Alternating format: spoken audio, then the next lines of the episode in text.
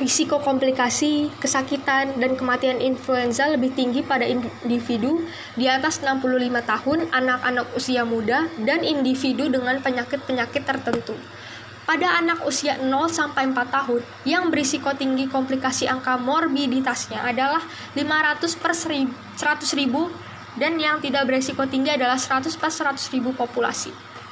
Pada epidemi influenza 1969 sampai 1970 hingga 1994 sampai 1995 diperkirakan jumlah penderita influenza yang masuk rumah sakit 16.000 sampai 220.000 per epidemi.